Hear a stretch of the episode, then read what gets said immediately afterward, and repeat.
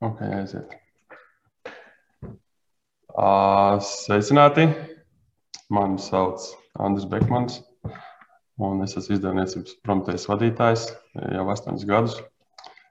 Un šodien mēs esam izdevuši tādu skaistu grāmatu kā Filipa Lovkrafta stāstu izlase, kas ir notikums latviešu grāmatniecībā, jo šie šausmu stāstu klasiķi stāsti tādā apkopotā grāmatā ir izdota pirmo reizi. Līdz šajā sakarā mēs arī esam izlēmuši kopā ar grāmatas tulkotāju un mākslinieku uztaisīt nelielu sarunu, lai varbūt pastāstītu sīkāk, kas tas Hovards Filips Lovkrafts tāds īsti ir. Un, lai gan pie mums viņš nav tik labi zināms, bet pasaules mērogā viņš ir atzīts un šausmu klasiķis un pamatlicējs. Un, jā, tad, tad, tad mēs esam šodien trietā. Es, Andris Bekmans, izdevniecības vadītājs. Ar mani kopā ir Kaspars Zalāns, šīs grāmatas tulkotājs, kā arī dzinieks, atzījotājs, un kultūras pasākumu rīkotājs. Un mākslinieks eh, Andris eh, Reinbergs. Eh, Andris ir konceptu mākslinieks, ilustrators un mākslinieckais direktors un galvenokārt darbojās video spēļu nozarē. Un, jā, sākumā mēs parunāsim par pašu Lovecraftu. Pastāstīsim jums, kāpēc viņš bija jāizdod mūsuprāt Pēc tam mēs parunāsim par pašu procesu, kā mūsu tulkojums un kā mūsu grāmata tapa. Un noslēgumā varbūt pievērsīsimies īsi katrs par kādu no šajā grāmatā iekļautajiem stāstiem, kurš viņam labāk paticis un kāpēc. Jā, un tad, tā tad sākumā par pašu rakstnieku. Te es došu vārdu tulkotājam Kasparam, kurš mums ir liels Lovecraft eksperts. Un varbūt arī sākumā varbūt īsi par to, kā, kā tu pats, kā tu pats līdz Lovecraftam nonācis. Un tad, un tad par, par pašu Lovecraftu kaut ko varbūt sīkāk. Jā, īsumā man liekas, mans ceļš līdz Lovecraftam bija līdzīgs kā daudziem, jo es jaunībā biju iepazinies ar filmām un spēlēm, kas bija iedvesmojušās no Latvijas stāstiem. Piemēram, kad es biju pusaudzis, man dikti patika tās Hellboy filmas, kur mitoloģija arī ir savā ziņā diezgan ietekmējusies no Latvijas mitoloģijas. Un vēl arī dzen, vairākas video spēles. Biju spēlējis viena tāda, kas arī saucās Call of Cthulhu, jeb tas pats Cthulhu aicinājums, kas arī ir stāstu izlasē. Tā bija tāda spēle, kas, ja nemaldos, iznāca 2000. gadu sākumā. Viņa, ko es arī paspēlēju pusauģu vecumā. Un tad laika gaitā man radās interesi tieši par uh, pašu autoru, kas to visu ir iedvesmojis un, turpina iedvesmot līdzīgas lietas. Un tad es sāku arī lasīt viņu stāstus gan internetā, gan pēc tam arī grāmatu formātā, angliski. Un arī lasīšanas ziņā sapratu, man liekas, to atslēgu, kāpēc viņš ir tik ļoti ietekmīgs un joprojām plaši lasīts. Un tas ir tas, ka viens puses tā ir mm, viņa radītā visuma niansētība, kuru iespējams attīstīt dažādos virzienos, ko dara nu, rakstnieki pēc viņa nāves, kas tiek veikts arī filmās un seriālos. Labs piemērs tam ir tāds seriāls Lovecraft Country, ko, ja nemaldos, HBO laikam radīja un tur arī pārraidīja. Tad, tā, kā, tā ir viena atslēga, un otra atslēga, man liekas, ir tieši tas, ka viņš, kā reti kurš, varbūt izņemot Stevenu Kingu, kurš arī no Lovecraft iedvesmojies, prāta uzbūt tiešām ārkārtīgi tādu ieskaujošu, piesātinātu, drūmu, bet arī dzīvu noskaņu atmosfēru, ka tu lasot tiešām jūties ievilkts tajā visā pasaulē un vidē un notiekošajā. Un tā, manuprāt, ir tiešām izcila māka. Un arī viens no iemesliem, kāds cilvēki joprojām viņu lasa un lasa paudzēs jau pēc simts gadiem. Un uh, trešais, manuprāt, kas viņu, nu, man personiski, personiski padarīja interesantu. Un, manuprāt, arī varētu daudzus lasītājus uzrunāt, ir tas, ka viņš, manuprāt, tiešām ļoti labi saprata cilvēku prātu, kā cilvēka, nu, cilvēku bailes kā tādas strādā. Viņš par to presējas rakstījis. Un tāpēc arī viņa stāstos tās šausmas ir balstītas daudzos tajos cilvēciskajos kompleksos par to, ka mēs esam varbūt maz mazītiņi uz šaušalīgā visuma fona, vai arī tajās bailēs no līdzcilvēkiem, jo nu, aizspriedumi piemīt visiem. Un, Mēs jau nekad nezinām, kas īsti slēpjas aiz citu cilvēku kādus. Nu, tāpēc, manuprāt, viņu noteikti vēl turpinās lasīt, vēl simts gadus. Un pēc viņa stāstiem veidot filmas vai spēles un pārinterpretēt un tulkot. Un, tāpēc esmu arī priecīgs, ka latviešu lasītājiem ir tagad šī stāsta izlase kā tāds pamats, Jo nu, mēs jau procesā centāmies izraudzīties tos, kas mūsuprāt ir tie fundamentālie gabali, stāsti. Tie, kas gan vislabāk parāda to, kā Lovecrafts rakstīja un par ko bija viņa vis, visa tā mitoloģija un visums. Gan arī vienkārši kā stāsti, mūsuprāt, ir vienkārši labi un augstvērtīgi. Nu, tā es īstenībā varētu ieskicēt par viņu. Labi. Paldies! Un tagad varbūt Anna varētu īsumā par savu tikšanos ar Lovecraft. Um, ar Lovecraft man iepazīstināja viens poļu draugs, kur mēs strādājām kopā pirms kādiem desmit gadiem. Viņš uh, kaut kā ļoti labi mācīja aprakstīt to mistiskumu, kas ir ap tām grāmatām, stāstīt to nekronomikonu par tiem senajiem dieviem un uh, to okulto daļu tajā visā, ka tas viss kļūst tik Ietriģējuši tajā pašā dienā aizgāju mājās, kaut kur internetā atradu of Cthulhu uh, stāstu. Un tajā pašā dienā izlasīju, un man āķis bija lupā.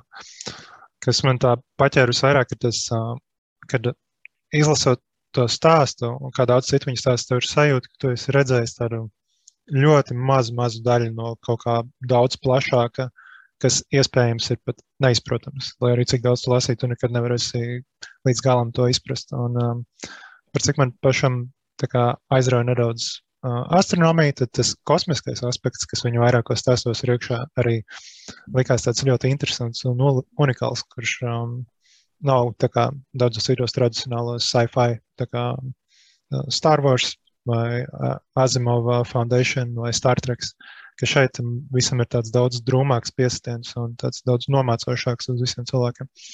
Un tāpēc um, pēc tam es uh, gāju cauri viņa visādiem citiem darbiem. Un, um, man regulāri uznāk tādi Lovecraft periodi, kad man tas ir tas, kas man visvairāk interesē tajā brīdī, un tad es bieži pat strādājot, uh, uzlieku un klausos uh, audio grāmatas, lai fonā skan. Uh, viņas ir, jo viņas ir diezgan daudz, un viņas ir interesanti paklausīties um, arī pēc kāda laika, kad tu esi vairāk iepazinis, piemēram, to pasauli, tad citas to stāstus ir uh, interesanti paklausīties vēl vienreiz. Un, uh, man arī patīk diezgan daudz, uh, kā Kaspars pieminēja, lietas, kuras uh, ir iedvesmojušās no Lovecraft.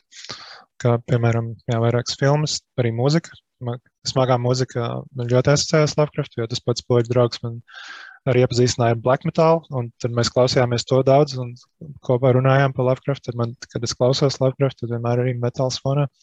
Un uh, arī jā, komiks, kā Hellboy un video spēles, kā Bloodborne tā visa pasaule ir tāda aizraujoša. Un tāpēc man ļoti gribējās kā, iesaistīties tajā grāmatu veidošanā, kā māksliniekam. Kaut kā tā. Jā, labi. Paldies. Uh, par sevi es varu pateikt, ka Lafrits kā tāds jau jā, ļoti ilgi bija kaut kur fonā klīd kā vārds. Un zināja, ka tāds Lafrits ir, bet, godīgi sakot, neko vairāk par to Ktulu astoņkāju galvu arī nezināja. Nebija tāda un tad arī jā, pirmā, tāda pirmā lielāka tikšanās bija, kad es, uh, mēs uh, spēlējām draugu, draugu vienu, kas ir liels arī labprāt cienītājs. Mēs viņu spēlējām galda spēles, kas ir arī tajā Mansion of Madness laikam saucās. Un, viņi ir tajā labprāt visumā notiek. Man vienmēr likās smieklīgi, ka tur spēlē kā grib, bet beigās tu vai nu nomirst, vai sajūtas prātā.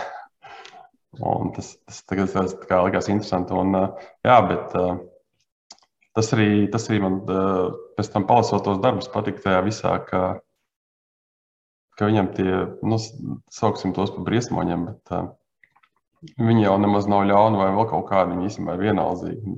Cilvēki viņiem ir kā skudrs, un tas nav, viņš te nav, viņi te nav kaut kāda ar misiju, tagad apēst visus vai vēl tur kaut ko, jā, bet vienkārši tas tā kā, tu ej pa to pļāvu, nu, ok, nu, tie tur kaut kādas uzkāpes skudrē, nu, nepamanīja.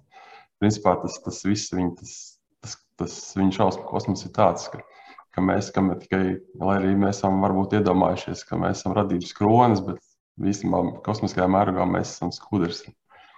Un tad, kad kaut kādi lielie mums paiet garām, tad, tad labākajā gadījumā var nomirt. Vai saprāt?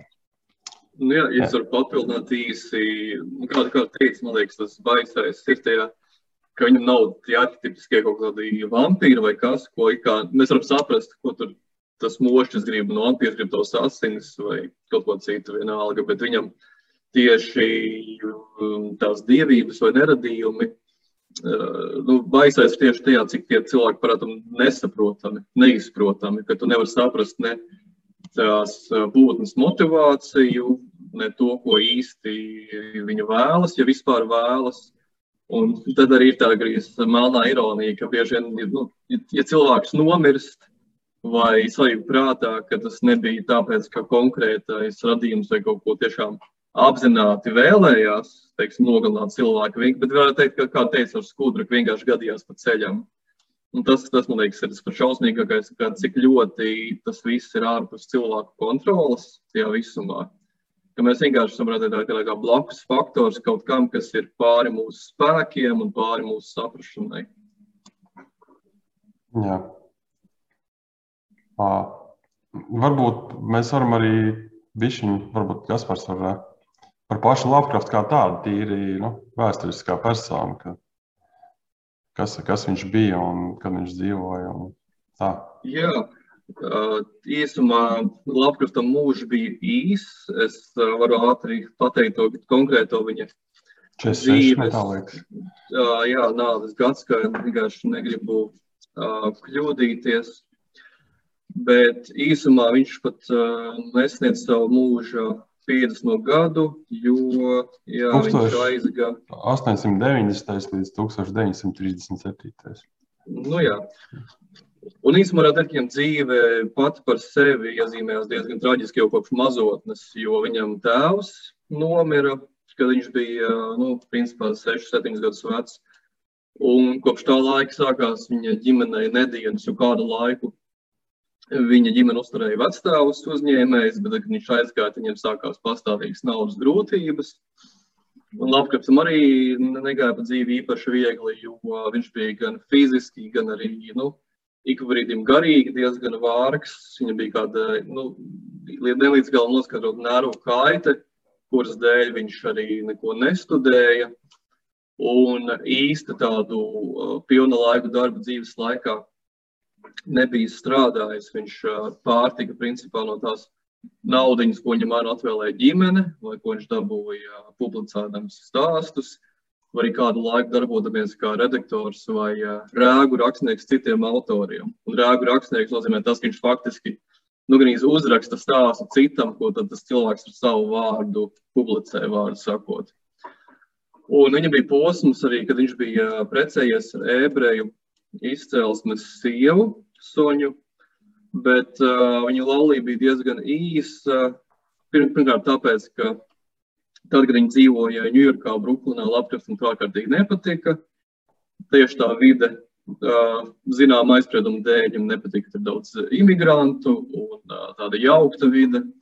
Un tad, kad viņš pārcēlās atpakaļ uz savu Massachusetts štatu, tad viņa tantes, kas bija tobrīd palikušas vienīgās radinieces, faktiski negribēja, lai viņš turpina kopdzīvi ar sievu, kas, nu, kas bija pārdevēja. Viņam bija cepura veikals. Cepura veikals gan nobankrutēja, bet viņi turpināja dzīvot, nu, strādāt kā, bankrut, kā tirgotāji. Un tajā laikā, acīm redzot, bija kaut kāda aizsprieduma pret sievietēm, kas nodarbojās ar tirdzniecību.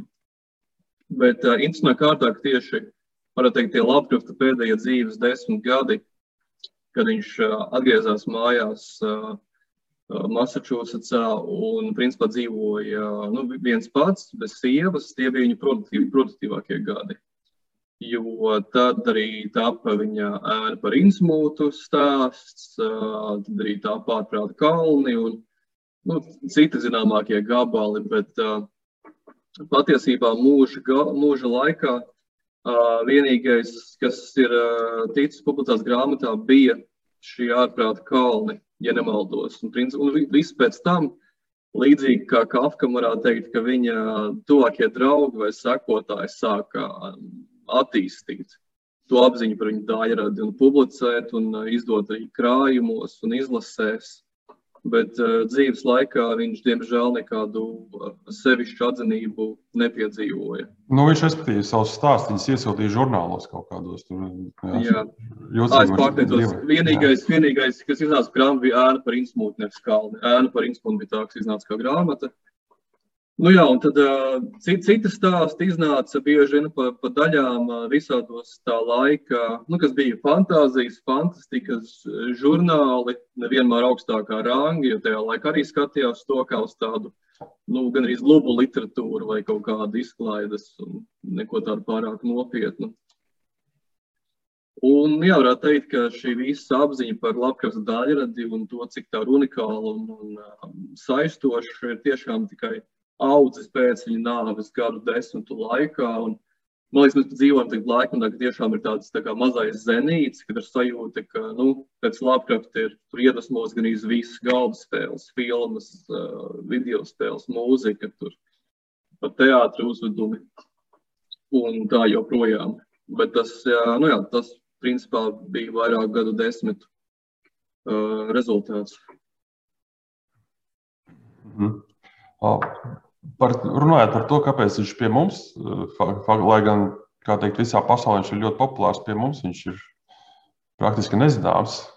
Nu, tur, protams, arī kārtējais nopelns ir noteikti padomu laikiem, kuros ne fantāzija, ne šausmu literatūra nebija atzīta, bija kapitālistu mūri un vēl droši vien no visādas briesmīgas ietekmes. Bet es, eh, nu, kad es biju pusaudzis, lasīju, bija padomu laiku izdevu tā sērija piedzīvojums uh, fantastika.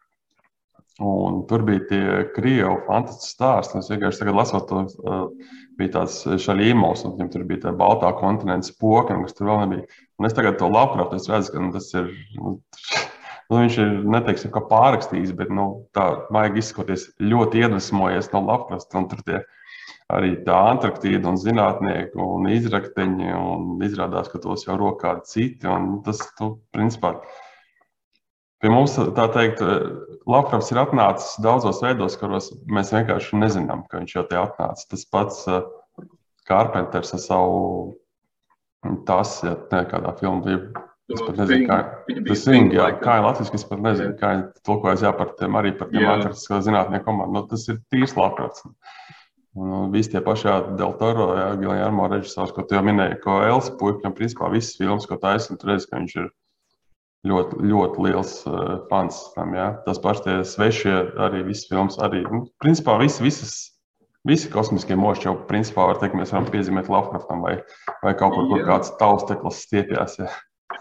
Karību jūras pirāti, jā, tas ir kapteinis ar to astoņkāju seju. Arī Lovecrafts. Davids Jones. Jā, tieši tā. Man liekas, viņam ir tas interesants, ka cerēs tā ietekme ir nu, tik tālu aizgājusi, ka tur tiešām ir jāpadomā, lai saskatītu nu, to saikni vai ne. Jo viņš jau varētu varētu teikt, ka viņš savu žanru lielā mērā radīja līdzīgi kā, teiksim, Edgars Alans Power gotisko šausmu literatūru. Jo arī uh, grāmatas ievadā mēs kā piemēru minam filmas Aliens svešie, to filmu sēriju. Un tur, man liekas, lielākā ietekme bija tas, ka uh, tas šveiciešu mākslinieks Geigers, jeb kā precīzāk viņam uzmanīja, mm. H.R. Geiger, kurš uh, nu, radīja tos visus konceptus, skices tiem svešajiem un kosmosa kuģiem, ka viņš tieši bija ļoti no Lovecrafta ietekmējies. Tā kā šī saikne tāda pakārtot, ka Lovecrafts, tad ir konceptu mākslinieks, un tad ir filma. Un, ja tu skaties filmu, un par to nedomā, kā var arī to nepamanīt, bet tad, kad tu par to uzzini, tad grūti to visu noignorēt, jo ļoti viss uh, izgaismojās tieši nu, uh, ar šādu skatījumu. Tāpēc, ja skatos tādā pakārtot ietekmi, man liekas, vienkārši mūsdienās nav pat īsti iespējams izskaidrot visu, kas kaut kādā veidā būtu ietekmējies no labkraftiskā. Ja, Žanra tēvs. Mm, jā. jā. Labi, tad mēs varētu plūstoši no šī pāriet pie tā, kā tad, kā tad mēs nonācām līdz tās grāmatas izdošanai un, un, un varbūt sīkāk par to pastāstīt. Un, uh, sākās, sākās faktiski viss ar to, ka man Kaspars atsūtīja vēstuli pirms pagājušā gada pirmajā pusē, ka jā, jauns un talantīgs tulkotājs meklē darbu. Apmēram. Un es tādu, nu, kas par nepazinu, nezināju, bet uh, apstījos, ka mums uh, ir kopīgs paziņu Vils Kasims, kas man ir grāmatas tulkojis rakstnieks un vispār talantīgs cilvēks. Un es viņam prasīju, nu, kas tas kas par ir. Un viņš saka, jā, viņš mums tur punktumā ir dzēja tulkojis. Nu, tāds ir labs, var, var kaut ko doties. Nu, labi. Uh, un tad es aizrakstīju Kasparam, nu, jā, ka pagaidām tā kā neko nevajag, bet no nu, tā teikt ielikšu viņu plauktā un, ja kas došu ziņu. Un bez tam, pēc kāda laika man Andris, Andris, atvainojiet, pēc kāda laika man Andris atrakstīja, ka kāpēc es vēl neesmu, vairs neesmu domājis par lapkrustu izdošanu. Un uz to brīdi es vispār nebiju neko lasījis.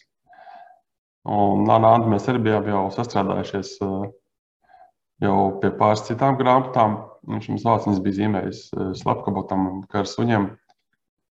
Un, un lai gan arī viss sākās ar to, kā Andris man atrakstīja vēstulē, ka Jānis un talantīgs mākslinieks gribētu piedāvāt sadarbību.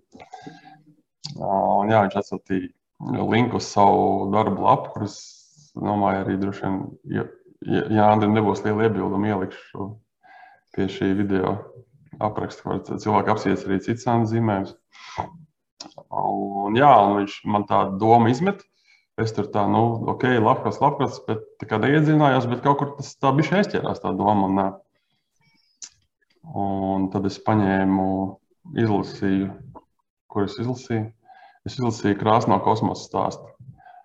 Un tad es sapratu, ka īstenībā tie stāsti, tas, tas vismaz konkrētais stāsts, un kā pēc tam izrādījās arī pārējie, ir, nu, ja man prasīts teikt, viņš pat vairāk ir zinātniskā fantastika nekā šausmas. Nu, tā šausmas tur ir, bet nu, no, nu, tur, no mūsdienu nu, tas nav vairāk šausmīgi, cik tas ir interesanti, kā, kā fantastika. Un es izlasīju, un tad izrādījās, ka Nevis izrādījās, bet jā, es apstājos, ka Latvijas ir dzīvojis jau tik sen, ka viņi nav jā, jāpārk autortiesības, principā, ka mēs, nu, ka, un tu vēl, pat cik tie stāsti, es domāju, ka, ja man nav jāpārk autortiesības, tad varētu to, kaut kādus līdzekļus novirzīt, ka mēs varētu bildes taisīt, ka, nu, lai smuka grāmata sanāk. Un jā, un, un, un tad, tad es paskatījos savā tulkotāju sarakstā, un jā, Okas pārs, domāju, nu, Vils teica, paši Džeks, vai sūtīt.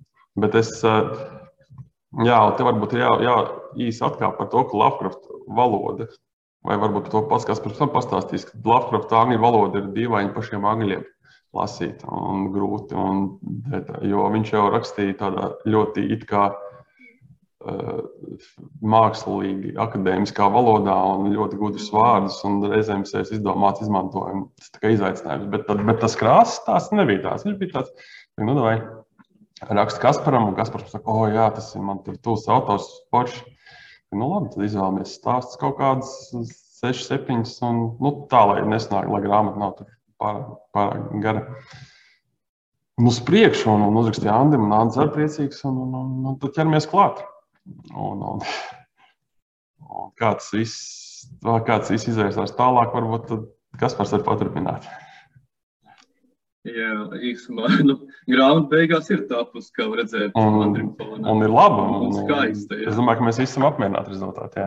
Jā, jā, jā. Uh, bija visādi izaicinājumi. Uh, man liekas, ka, kā tu teici, Lapsam rakstība ir diezgan daudzveidīga. Viņam ir stāsti, kas tiešām ir tādā gandrīz akadēmiskā stilā, bet nu, tas ir apzināti speciāli, jo stāstu varoņi ir domāti kā zinātnieki, pētnieki, un tāpēc tas ir atbilstoši uh, konkrētam stāstam. Bet uh, viņam vispār ir raksturīgs tas, ka viņam patīk izmantot tādus vecvārdus, kas pat viņa dzīves laikā jau skaitījās, nu, kā vecvārdi 20. gadsimta sākumā.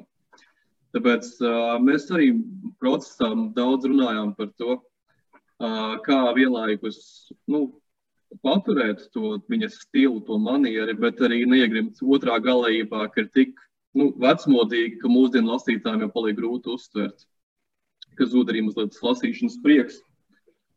Uh, bet uh, es arī grāmatu ievadā minēju dažus vēl citus izaicinājumus. Nu, man liekas, tās lietas, ar kurām es diezgan pacīnījos, viena ir tāda, ka vairākos stāstos ir varoņi, kas runā noteiktās izloksnēs, un tad mēs arī domājam par tām izloksnēm, kā lai, kā lai tās latvisko.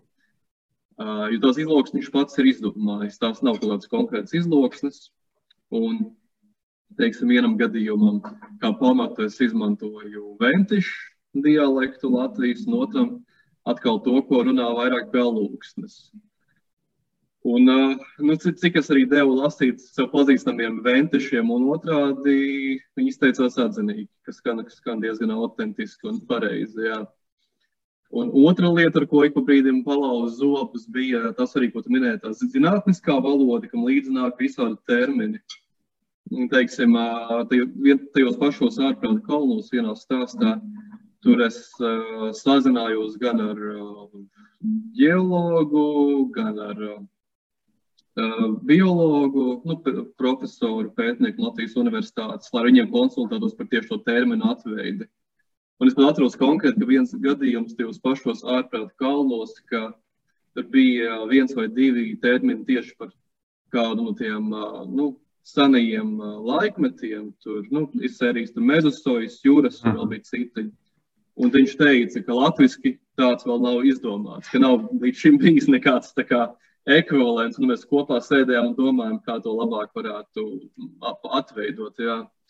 Tas process bija vienlaikus ļoti interesants, bet arī brīžiem izaicinošs. Un es domāju, ka beigās ir tapas kaut kas, kas varētu būt arī uh, vienkārši literatūras mīļiem, interesanti, ne tikai fant fantastikas mīļiem. Tieši tāpēc, ka ir šīs visas nu, valodiskās lietas, ir šie visi, visi dažādie stili no zinātniska, no nu, ne tik ļoti kā, piemēram, krāsas no kosmosa. Ka, man liekas, tur tiešām ir daudz ko baudīt arī nu, lasītājiem, kas neaizraujas obligāti tikai ar fantastikas vai šausmu literatūru. Jā, jā, nu, mums jau ir pieņemts to šausmu literatūru kā tādu vispār skatīties. Nu, laikam vēl, vēl šķībāk nekā uz fantāziju, ja tā varētu teikt. Bet šis noteikti nav tas gadījums, jā, ka vajadzētu kaut kādiem aizspriedumiem ļaut ņemt virsroku un droši ņemiet lasīt. Un ir to vērts. Jā, un par to valodu, jā, es uh, varu piebilst, bišķi, jā, ka, kad uh, Kaspars atsūtīja pirmo versiju tiem ārprātā kalniem, kas ir tas viņa garākais, nu, viņš arī ir ārprātīgākais viņa stāsts, principā. Es sāku lasīt, es saķēru galvu, domāju, kurš tas, kas tagad būs, jo es nesaprotu, kas tur rakstīts. Jo tiešām tālāk tas bija ļoti autentisks uh, Lovecraft pārnesums, un, nu, tas, un tas arī teicu Kasparam, ka mums tomēr bišķiņi, bišķiņi varbūt gan jau labprāt sapratīs, ja mēs bišķiņi adaptēsim, bišķiņi, lai, lai ir saprat, lai ir nu, ērtāk lasīt, vienkāršāk lasīt, guldāk lasīt, jo viņš tiešām, es esmu skatījies arī, ka citi cilvēki, kā, nu, kā angļu stāsta, ka viņš tieši dēļ tās viņa valodas, viņš vienkārši padodas, jo nu, nesaprot vienkārši, kas, kas tur notiek īsti. Un, jā, tas mēs arī bijām pieslēguši kā redaktori to pašu Vilu Kasimu, un, un Un paldies, paldies Kasparam, protams, un un beigās rezultāts ir tā, jā, ļoti, ļoti labs teikt. Jā, un tad, tad jā, kā jau es minēju, mums ir arī katram stāstam ir savs oriģināls uh, zīmējums, ko mums Ants sagatavoja speciāli šajā grāmatā.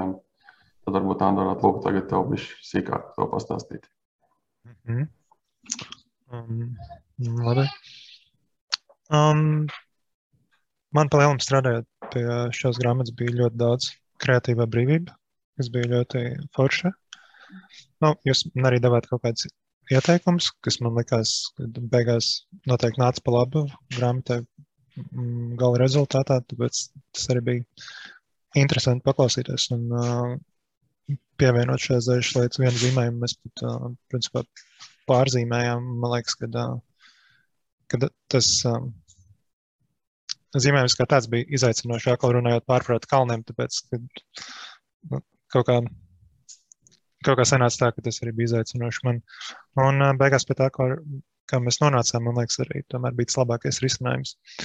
Um, bet, nu, par cik man bija tā brīvība, tad es um, centos taisīt tos darbus tādus, kādus viņus redzēju savā galvā, kad es lasīju vai arī klausījos uh, stāstus. Un, uh, un arī Mm, es mēģināju tajos darbos atspoguļot to, kā es redzu, kā es saprotu uh, Lovecrafta stāstus, kā viņš viņus pasniedz. Kad uh, viņš savos stāstos ir tādi vairāk ar tādu spēcīgu noskaņu, un viņš nepastāsta pārāk daudz. Lielākoties, ne visos, bet daudzos. Kad uh, tur ir diezgan daudz vietā lasītāja iztēlē, ka viņš var papildināt aizpildīt tukšumus, kurus uh, neiedod pats stāsts. Tāpēc es vēlējos arī ar savām ilustrācijām parādīt, iedot kaut kādu pavadienu, mēģināt radīt viņas ieintriģējošas, taču neparādīt pietiekoši daudz. Un uh, gribējās arī tā, lai viņi mm, dotu nojausmu par to, kas notiek aptuveni vai kādā virzienā būs stāsts, bet neiedot pietiekoši, lai var saprast. Bet, uh, kad tu būtu izlasījis stāstu, tu viņu varētu saprast. Tā kā tās ilustrācijas būtu, bija plānotas, ka viņas ir vairāk kā tāds uh, kompanions stāstam, nevis kā atsevišķa lieta, kā maziņš ievads. Un man bija arī ļoti svarīgi nezīmēt, nerādīt nekādus tos radījumus, tāpēc, uh, mm, tāpat kā Lovecrafts savos stāstos ļoti bieži izvēlēs viņus gandrīz vispār neaprakstīt, vienkārši pateikt to, ka tas ir kaut kas tik šausminošs, ko nevar aprakstīt. Un man liekas, ka tie daži vārdi iedod lielāku attēlu prātā nekā bilde varētu parādīt. Vai nekā apraksts palīdzētu mm, to iztēloties. Un, un es cienu to pieejamību, un tāpēc arī vēlējos tāpēc izdarīt, jo tās nu, šausmas, ko cilvēks var radīt savā prātā, nestāvēs. Un, vienmēr pārspēs to, kas ir uzzīmēts attēlā. Un, man arī problēma būtu tāda, ja viņš būtu uzzīmēts attēlā. Mm, visi tie moši, tad līdz ko grāmata par viņu stāsta, tad lasītājs to arī iztēlosies, kas ir parādīts ilustrācijā. Bet savukārt, ja tu neparādi tās lietas, tu varbūt kaut ko vairāk paslēp ēnās un tikai parādi, ka varbūt tur kaut kas ir, tad lasītājs vai darba aplūkotājs kļūst, uh, viņš aktīvi piedalās tajā, lai izprastu darbu līdz galam. Un tas bija tas veids, kā es piegāju visiem darbiem. Tā kā es viņus sapratu, kā es viņus redzēju, lasot, es arī mēģināju atveidot gala rezultātā. Tāds interesants process bija nedaudz izaicinošs, bet arī ļoti atbrīvojošs. Tā tās kreatīvās brīvības. Kaut kā tā. Okay. Skaidrs, nu, nu forši, ka visiem bija tas prieks un patīkami strādāt, un emocijas, un, un rezultāts labs. Un, un, un, un. Forši. Uh, ok, un tad, tad varbūt noslēgumā tad mēs varētu katrs paņemt īsi kādu vienu no grāmatā ietvertajiem stāstiem un īsi pastāstīt, varbūt, ar ko tieši šis stāsts likās interesants. Ja, nu, kas par to varbūt sāc? Jā, es domāju, ka es varētu par tiem pašiem ārprāta kalniem īsumā. Jo, jo patiesībā arī bija, nu, arī kā Andris teica, arī no zīmēm puses ar to sanāca ilgākā cīņa. Un, man liekas, viss process tiešām bija tāds, ka mēs tā kā tajā kalnā uzkāpjam, mēs kāpjam kalnu, un kad mēs tikām tajā virsotnē, pēc tam visi nākamie stāsti, nu, ko es tulkoju un ar ko mēs kopā strādājām, tas jau bija grīz patīkamais, tā kā tā nokāpšana, nolaišanās pēc, pēc tā kalnu uh, procesa. Bet arī šo stāstu gribu izcelt, tāpēc, ka vienlaikus tas uh, ļoti labi nu, reprezentē to, kas man apkārtā patīk un šķiet uh, nu, unikāls. Tā ir tā viņa noskaņa un tā viņa ārkārtīgi daudzslāņainā mitoloģija. Uh, jo tu, es arī centīšos neko nepateikt priekšā, bet kad lasītājs šo stāstu bauda, attiecīgi tur visu laiku ir kāds vēl papildus slānis tam visam visumam stāsta gaitā. Un, un arī, protams, tam līdzi nāk arī noteikti pavērsieni, bet vairāk es neko neteikšu. Bet man liekas, arī ļoti labi šajā stāstā, šajā gajā stāstā viņš uh, rada, kāpina un uztur tādu spriedzīti. Tā kā tu sākumā tu jūti pamazām, bet tu nesaproti, no kā tas ir. Nu, tā, tāda sajūta, ka kaut kas slēpjas, kaut kas nav tā vai ne, kaut kas varbūt nav līdz galam pareizi. Un tad tā šī sajūta aug un kāpj. Un, un, un arī līdz pašai kulminācijai arī noturās tādā līmenī. Un to, to viņš izdara, man liekas, izcili. Un, tāpēc arī es ļoti gaidu kādu šī stāsta adaptāciju, jo es, piemēram, dzirdēju, ka režisors Guillermo del Toro, tas pats, kurš ir Elvis puika filmas taisījis un citas, ir jau gadiem gribējuši tieši to, to stāstu adaptēt. Un es gribētu redzēt, kāds varētu izskatīties. Jo no vienas puses man pat neticās, ko, ka tur iespējams pārnest uz ekrāna, bet no otras puses, ja viņš spētu, tad tas arī, arī, arī varētu būt kaut kas maģisks, manuprāt. Tāpēc no vienas puses, jā, es teiktu, ka šis ir tāds izaicinošs stāsts lasītājiem, bet tie, kas tiešām uzkāps tā kalnu virsotnē, tas, manuprāt, būs tā vērts. Okay, labi.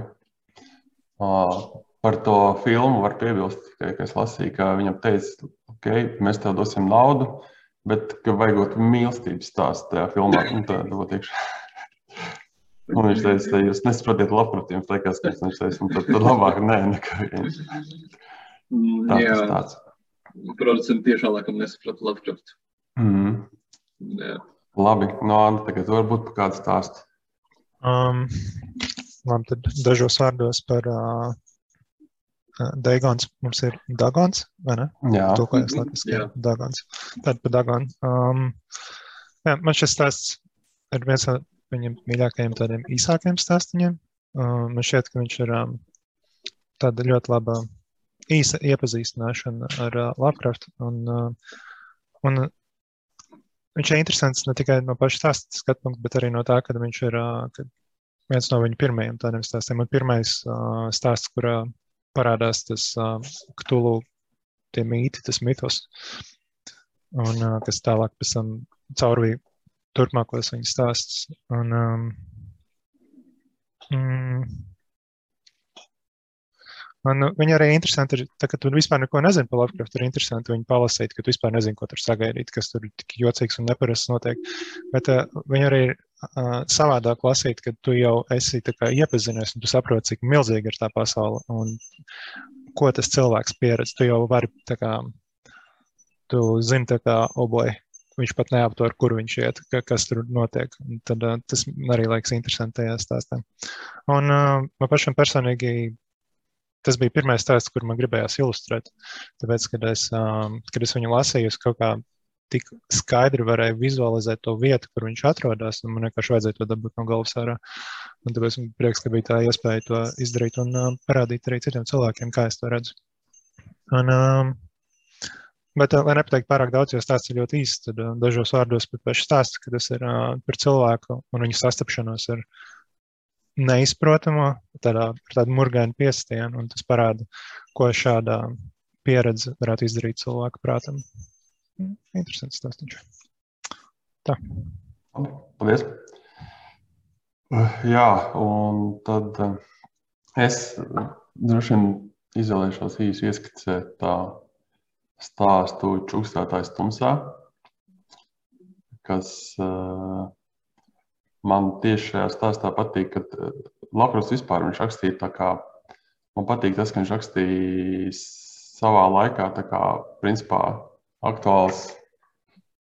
Viņš kā ietvēra kā tos eh, kaut kādas tā laika aktuāls zinātnisks un tādas eh, atklājumus un notikumus, un tas to visu padarīja vēl bišķiņ tuvāk realitātei. Un šis konkrētais stāsts ir, acīm redzot, tapis laikā, kad, kad tika atklāts Plutons.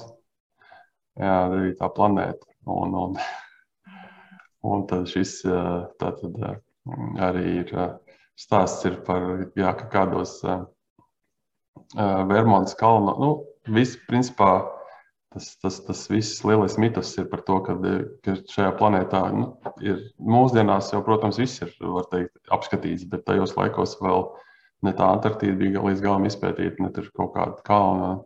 Un tur ir runa par Vermontas kalniem, jā, ka tur ka tajos kalnos ir kaut kāda sena indiāņu mītne, ka tur dzīvo kaut kas, kas nav gluži cilvēki. Un, un, un šis stāsts ir jā, par to, kā, kā kāds kārtējais kā sauc, pētnieks, amatieris nolem izpētīt situāciju un kāds izvēršas. Jā, un, mm, jā, un vēl ko es par tiem visiem stāstiem gribētu teikt, ka interesanti tas, cik tas viss viņš, viņš viņš raksta to savu lielo kā, mītu un tā viņa pasauli, kurā tie visi stāsti notiek. Kad, ka visu stāstu summa kopā ir vairāk nekā katrs. Respektīvi, katrs stāsts atsevišķi jau ir interesants, bet viņi visi viens otru papildina. Un tā kā tu varbūt izlasot jau sastos stāstus, tur visu laiku ir tās, tur tiek pieminēti tie dievi un vēl kaut kādas būtnes. Un pirmajā reizē tu izlasi, tu nesaproti, kas ir. Tur sastarpējā stāstā tev saprot, un tad viņš atsaucās tur Viņš vienā stāstā atsaucās uz kaut kādu citu stāstu varonu pētnieku, ka tas tur savos tur avīzē rakstīja šito un to. Un, un tur visur iet cauri tas, ties, tas eh, nekronomikāns, ja tie trakā ārābu raksti, kas ir tā kā, nu, tas arī ir mūžīgās atsauces, kas, tā kā, var teikt, tā kā padot tā kā leģitimizē tos visus notikumus, ka, ka ir tie slepenie raksti, kur šis viss eh, īstās patiesības uzrakstīs. Un, jā, tā, tā, tā pat par sevi ir interesanta pieredze. Un plus arī tas, ko es sākumā minēju, kad, eh, ka man tas iespējas vairāk bija brīžiem, kad tā kā, nu, ka fans tik nešausmina, un ka es lasīju arī, ka Kaspars tagad stāsta par to, eh, par tiem kalniem, kas atceros, ka tur principā brīžiem tāda sajūta, ka tā, viņš, tur tie zinātnieki iet un pēta un darās, un tur tikpat labi tas varētu būt, ka, ja zinu, ka es bērnībā lasīju kapteiņa grāmatu, ja žilu vēru, un tur apmēram tādas pašas ekspedīcijas, tikai te beigās ir nevis mori ja, vai cilvēkādā, bet kaut kas bišķiņ Bišķiņ cits, un es par to arī iedomājos, ka ir dzirdēts bieži, ka mūsdienās, ka vecāki dod saviem bērniem žilu vēnšus, tos pašus kapteiņus grāmatu lasīt, jo viņiem tās atmiņas, ka tur bija baigi labās. Bet, nu, man, es gribētu teikt, ka mūsdienās iedodiet labāk viņam Lovecraft. Viņiem, viņiem patiks noteikti rīktīgi labāk. Jā, būs aizraujošāk. Pusauģiem noteikti daudz aizraujošāk. Bet jā, es piekrītu tam, ka mm, man liekas, ka tu izlasi, teiksim, arī šo visu izlasi kopā. Ir tāds tā kā puzles efekts, jo viens stāsts ir viens gabaliņš, fragmentiņš, tad nākamais. Un tad beigās uh, iegūst to visu kopā, nu, to visu visumu kopā un apmēram saproti, kā, kā miedarbojās, kā tas viss iet kopā, tās visas dievības un radības un no tie personāži. Un tas man liekas diezgan apbrīnojami. Viņš jau arī to stāstu nerakstīja vienu pēc otra. Tas tur ir vairāk, gan arī gadu desmitu rezultāts. Un sanāk, ka viņš gan jau daudz ko bija izplānojis pirms tam, bet daudz ko arī procesā tapināja. Un beigās radījis kaut ko, kas tur mēroga, nu, man liekas, ne tikai stāv līdzās, bet pat citu pušu, tur tos pašus, tur svešos vai pat gan izlaikšanu karus ar to, cik ļoti tas ir. Jā. Un tas notika vienā prātā. Nevis. Nu, viņš dzīvoja, viņš dzīvoja tajā pasaulē daļai, viņš pats. Tas gan, jā. Nē.